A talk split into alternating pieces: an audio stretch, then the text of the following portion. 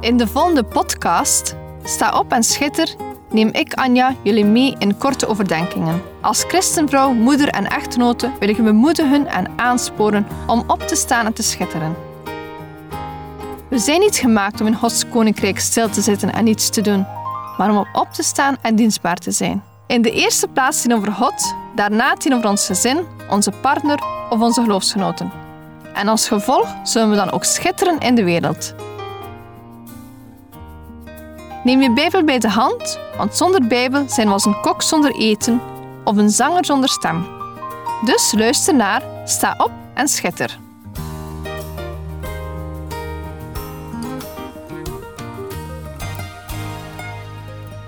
We zijn aangekomen bij uitzending 55 met als thema Arm, maar toch rijk. Afgelopen zomer had ik aan de kinderen van onze kerk zondagschool gegeven en heb dit thema gebracht. Ik begon door een tekening te tonen van een welvarende man en arme vrouw. De kinderen moesten op zoek gaan naar de verschillen. De tekening was overduidelijk. De rijke man omringd met zakken geld en een arme dame met in haar hand één geldstuk. De gesprekken waren wel boeiend. Iedereen was wel liever rijk dan arm. Maar wie niet? De kinderen hadden al snel door over welk verhaal ik het had en wisten ook het juiste antwoord. Jezus in je leven is beter dan rijkdom. Laten we even het verhaal van de arme weduwe in de Bijbel bekijken. Marcus 12, versen 41 tot met 44. En toen Jezus was gaan zitten tegenover de schatkist, zag hij hoe de menigte geld in de schatkist wierp. En veel rijken wierpen er veel in. En er kwam één arme weduwe die er twee kleine munten in wierp. Dit is een kwadrans.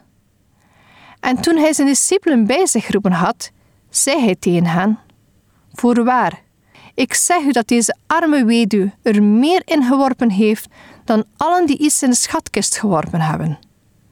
Want zij allen hebben hun overvloed erin geworpen. Maar deze heeft van haar armoede alles wat zij had erin geworpen. Heel haar levensonderhoud. Het verhaal speelde zich af in de schatkamer van de tempel. Deze bevond zich in het voorhof van de vrouwen. De schatkisten werden trompetten genoemd, omdat ze nauw aan de opening waren en breed aan de onderkant. Op elke schatkist stond er voor welke offerhave die bedoeld was.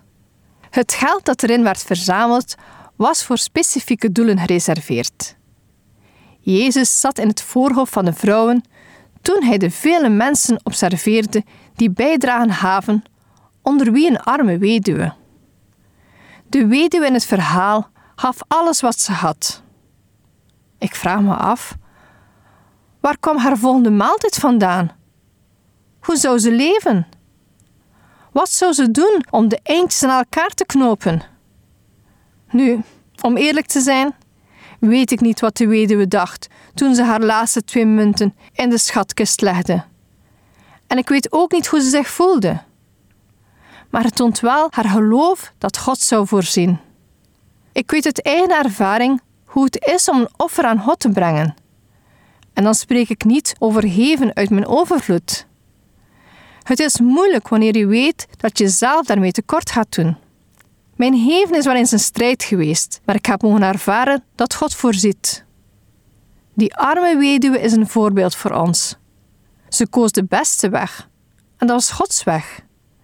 Ik hoorde een mooie uitspraak over het aantal muntjes die gegeven werden.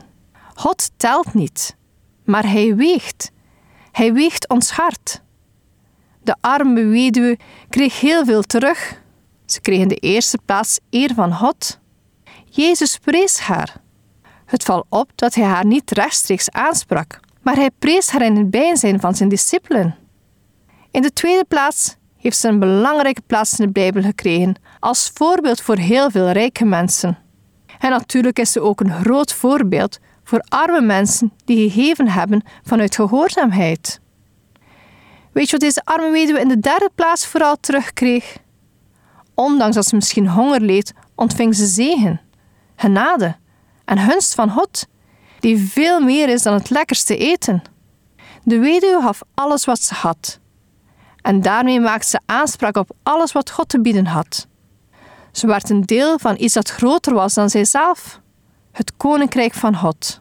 Als zodanig liep ze weg met veel meer dan degenen die nog geld op zak hadden.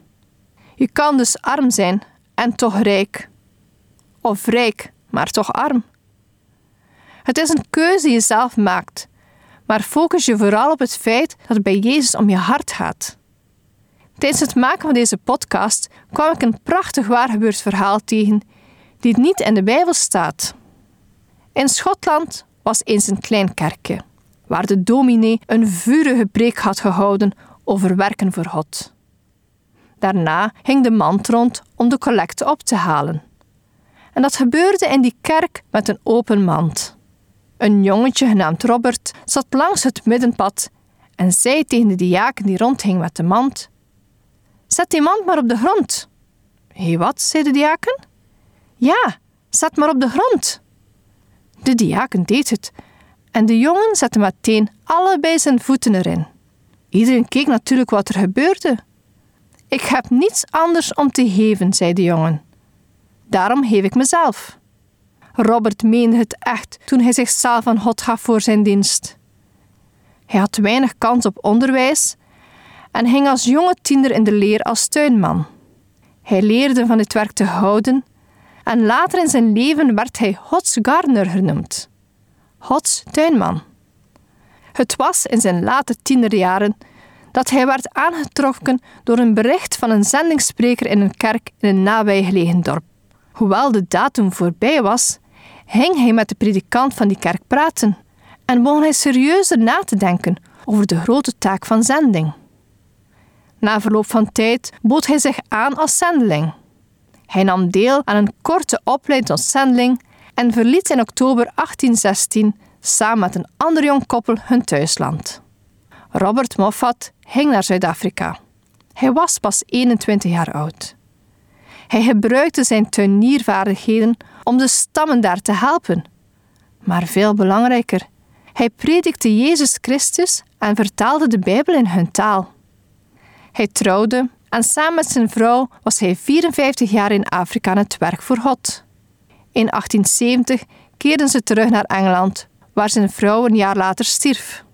Robert Moffat bleef de rest van zijn leven buitenlandse missies promoten. Hij verzamelde geld in om een gebouw te zetten waar inheemse studenten werden voorbereid op zendingswerk onder hun eigen volk. In 1883 stierf hij en kwam hij thuis bij zijn hemelse vader. Roberts leven is een voorbeeld van echt geven. Het gaat niet alleen om geld. Het is een keuze om te gehoorzamen. Robert was arm als kind, maar wist zijn rijkdom te vinden bij God. Zijn leven hing niet van leien dak en kende verschillende perioden van armoede en verdriet. Maar hij zette door tot het einde. Ja, het einde. De dag dat hij thuis kwam bij zijn hemelse vader. Als we even teruggaan naar de arme weduwe, dan zien we dat ze gaf met de juiste ingesteldheid. Ze vertrouwde alles toe aan God. Wat is onze motivatie wanneer het gaat om geven? God gaf zijn enige zoon voor ons en we mochten genade ontvangen. De genade is de onverdiende, spontane liefde van Jezus voor ons als zondaren. De genade van onze Heer Jezus Christus is de basis van onze redding. Een juiste relatie met God die als een onverdiende haven tot de gelovigen komt. Het motief van mijn geven zou altijd de genade van God moeten zijn. Hij gaf alles. In mijn wandelen met God was geld geven aan de kerk of andere goede doelen een oefening van vertrouwen. Vanaf heel vroeg in de Bijbel zien we dat er gegeven werd aan God. Geven in het Oude Testament ging vaak hand in hand met offeren aan God.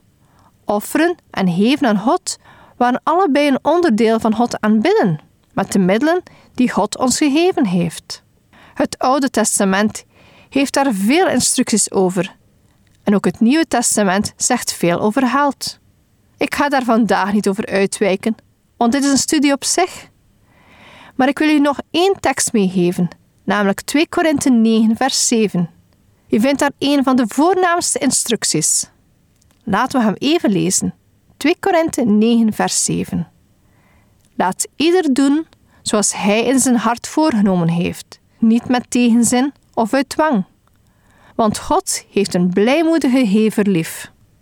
Paulus roept ons op om blijmoedig te geven, niet met tegenzin of uit dwang. De reden hiervoor is: God heeft een blijmoedige gever lief. Het geven moet iets zijn dat we doen omdat we blij zijn om iets aan God terug te geven. Het gaat bij God om ons hart. Misschien ben je wel als Robert Moffat en heb je financieel niets te geven. Geef dan je leven, je tijd. Dat hoeft niet per se de zending te zijn. Voor God werken kan op veel manieren. Misschien ben je wel geroepen om al je vrije tijd te geven aan gebed. Geven gaat over offers brengen, zoals de arme weduwe deed. Het gaat over geven met het juiste hart en vertrouwen dat God voor je zorgt. Het is luisteren naar wat God van je vraagt. Wees rijk in Jezus. Sta op en schitter. Deze podcast kun je steeds opnieuw beluisteren via de website en app van twr.be. Als je deze aflevering leuk vond en je wilt de podcast helpen ondersteunen, deel hem dan met anderen. Heb je gebed nodig of wil je reageren op deze uitzending? Zend dan gerust een mailtje naar anja.twr.be. Bedankt voor het luisteren.